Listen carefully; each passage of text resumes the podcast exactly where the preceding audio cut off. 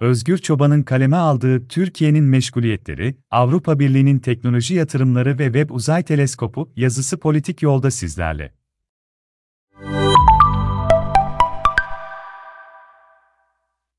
Türkiye'nin içerisine düştüğü umutsuzluk, yolsuzluk, çaresizlik, yokluk, yoksulluk ve açlıktan müteşekkil çukurdan dikkatleri uzağa yönlendirme operasyonları kapsamında topluma dayatılan zırva tevil götürmez kabilinden tartışmalar sırasında dışarıda ne gibi gelişmeler oluyor bunların bilinmesinde fayda olduğuna inanıyorum.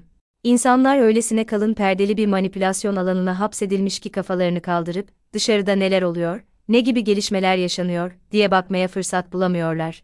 Yazının başlığının anlamsal bir bütün oluşturmadığının farkındayım.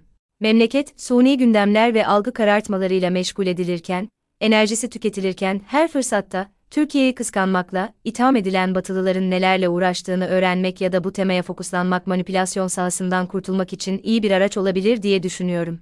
İlgilenenler zaten biliyordur ama ben yine de James Webb Uzay Teleskopu'ndan bahsedeyim. Dünyaya 1.5 milyon kilometre mesafede bulunan stabil Lagrange, iki bölgesine yerleştirilen teleskop, kozmolojik mesafelerde toz partiküllerinin ötesini görebilmek için kızılötesi tayfta gözlemler yapacak. Teleskop, taşıyacağı aygıtlar ve ayna çapı ile evrenin bütün zaman dilimlerini gözlemleyebilecek. Yani teleskop milyar yıllık geçmişe ayna tutacak.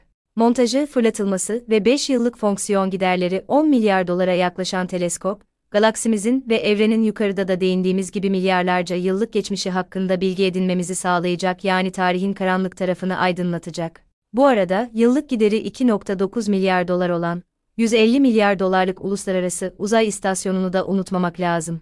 Kıskanç batıda durum böyle. Adamlar gözümüzün önünde gerçekleştirdikleri bilimsel faaliyetler sonucunda elde ettikleri bilgiyi kullanarak çağ açıp çağ kapatırken, Türkiye'de entelektüel kapasitesi sınırlı siyasal İslamcı yöneticiler, Ekrem İmamoğlu'nun kar yağarken bir balıkçıda yeme gitmesini ana gündem maddesi haline getirip, haftalarca bu konunun enine boyuna tartışılmasını sağlıyorlar. Kaybolan zaman ve harcanan enerjiden bahsetmek insanın yüreğini acıtıyor. Teleskopun inşa edilmesinde ortaklaşan Amerika Birleşik Devletleri, Kanada gibi ülkelerin ne türden bilgilere sahip olacağını düşünebiliyor musunuz? Bunun nasıl bir güç olduğunu hayal edebiliyor musunuz? Sezen Aksu'nun şarkısı, Ekrem İmamoğlu'nun yemeği falan derken kapanması mümkün olmayan bir zihinsel ve bilimsel fark oluşuyor.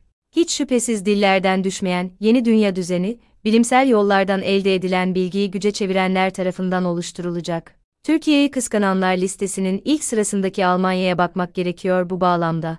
Asfalt plantlerinde karılan ziftlerin toprak zemine dökülmesiyle elde edilen yollarımızı ve asma köprülerimizi kıskanan Almanlar, harıl harıl kuantum teknolojileri üzerine çalışıyor.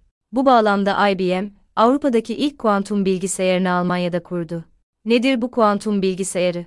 Klasik bilgisayarlardaki gibi elektrik akımına bağlı olarak çalışmıyor bu makineler. Bu yeni nesil teknolojiye ait bilgisayarlar, elektron ve proton gibi atom altı parçacıkların fiziksel özelliklerine dayanan bir sistemle işliyor.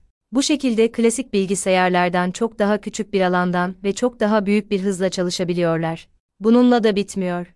Aileleri Türkiye'den göç eden Özlem Türeci ve Uğur Şahin tarafından üretilen koronavirüs, COVID-19 aşısı sayesinde Almanya ekonomisi salgın döneminde yaşadığı durgunluğu büyük bir hızla üzerinden atıyor. Konjonktür Araştırmaları ve Makroekonomi Enstitüsü, IMK, ile Kiel merkezli Dünya Ekonomisi Enstitüsü Biontech'in ticari başarısının 2021 yılında Alman gayri safi yurt içi hasılasına, GSEH, %0,5'lik katkı sağladığı tahmininde bulundu.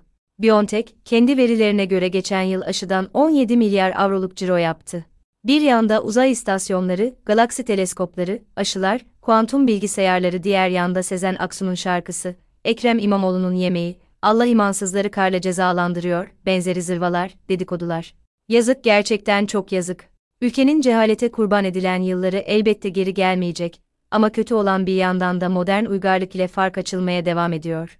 Cehaleti kutsayan ve önceleyen yöneticilerle devam edilirse gelecek 20 yıl içerisinde geliştirilen yeni teknolojileri edinsek bile kullanabileceğimiz bir altyapımız olmayacak. Konunun bir de Avrupa Birliği, AB ayağı var. AB, mikroçip pazarındaki tedarik sorunlarını aşmak amacıyla 40 milyar avronun üzerinde bir kaynak sağlamayı planlıyor. Salgınla birlikte ortaya çıkan tedarik sorunları nedeniyle Avrupa'da aşağı yukarı 2 yıldır mikroçip konusunda büyük sıkıntılar yaşanıyor. Çip yatırımı ile kıtayı Asya ve Amerika Birleşik Devletleri pazarlarına daha az bağımlı hale getirmek için üretimin ve araştırmanın teşvik edilmesi amaçlanıyor. Bu bağlamda Almanya zaten harekete geçmişti. Almanya'nın uluslararası teknoloji markalarından olan Bosch'un tepe yöneticileri, Dresden kentine bir mikroçip fabrikası kurulacağını bir süre önce kamuoyuna açıklamıştı. Bildiğiniz gibi günlük hayatta kullandığımız otomobiller, bilgisayarlar, tabletler, telefonlar, beyaz eşyalar ve akla gelebilecek bütün teknolojik ürünlerde bu mikroçiplerden mutlaka bulunuyor. Maliyetlere bakar mısınız? İnsanların elektrik faturalarını ödeyemediği bir ülkenin, teknolojiye milyarlarca avroluk yatırımlar yapılan ülkelerle kıyaslanması politik propagandadan başka bir şey olamaz herhalde. Öte yandan, Türkiye'nin uzay çalışmalarının koordinasyonu ve geliştiricisi durumunda olan Sanayi ve Ticaret Bakanlığı bünyesinde Türkiye Uzay Ajansı, TUA kurulduğunu biliyoruz. Yöneticileri her açıklamalarında ajansın uzay çalışmalarını büyük bir başarıyla koordine ettiğini söylüyor. Ancak CHP Genel Başkan Yardımcısı Veli Ağbaba'dan öğreniyoruz ki Sebze Üretim Tekniği Bölümü mezunu bir AKP'li, Türkiye Uzay Ajansı Başkanlık Müşaviri olarak atanmış. Bu acayip süper, liyakatli kadrolarla Türkiye'nin uzay teknolojileri yarışında hızla müşteri konumuna yerleşeceğinden hiç şüpheniz olmasın. Siyasal İslam, özü itibariyle dinin herhangi bir yorumunun adeta bir deli gömleği gibi yukarıdan aşağıya topluma giydirilmesi projesidir. Gerici, tutucu ve boğucu bir ideolojidir. Ülkede işler kötü gidiyor çünkü din ve dindar insanlar arka planda kaldı. Biz toplumdaki kokuşmayı dinle tedavi edeceğiz söylemiyle yönetime gelen siyasal İslamcıların neden oldukları kokuşma bugün artık her evden, her sokaktan, her mahalleden hissediliyor. Bakın, eline mikrofon tutuşturulan bir çocuğa ana muhalefet partisi liderine hakaret ettiriliyor. 10 yaşındaki bir çocuk siyasi propaganda mezesi yapılıp geleceği çarçur ediliyor. Neden?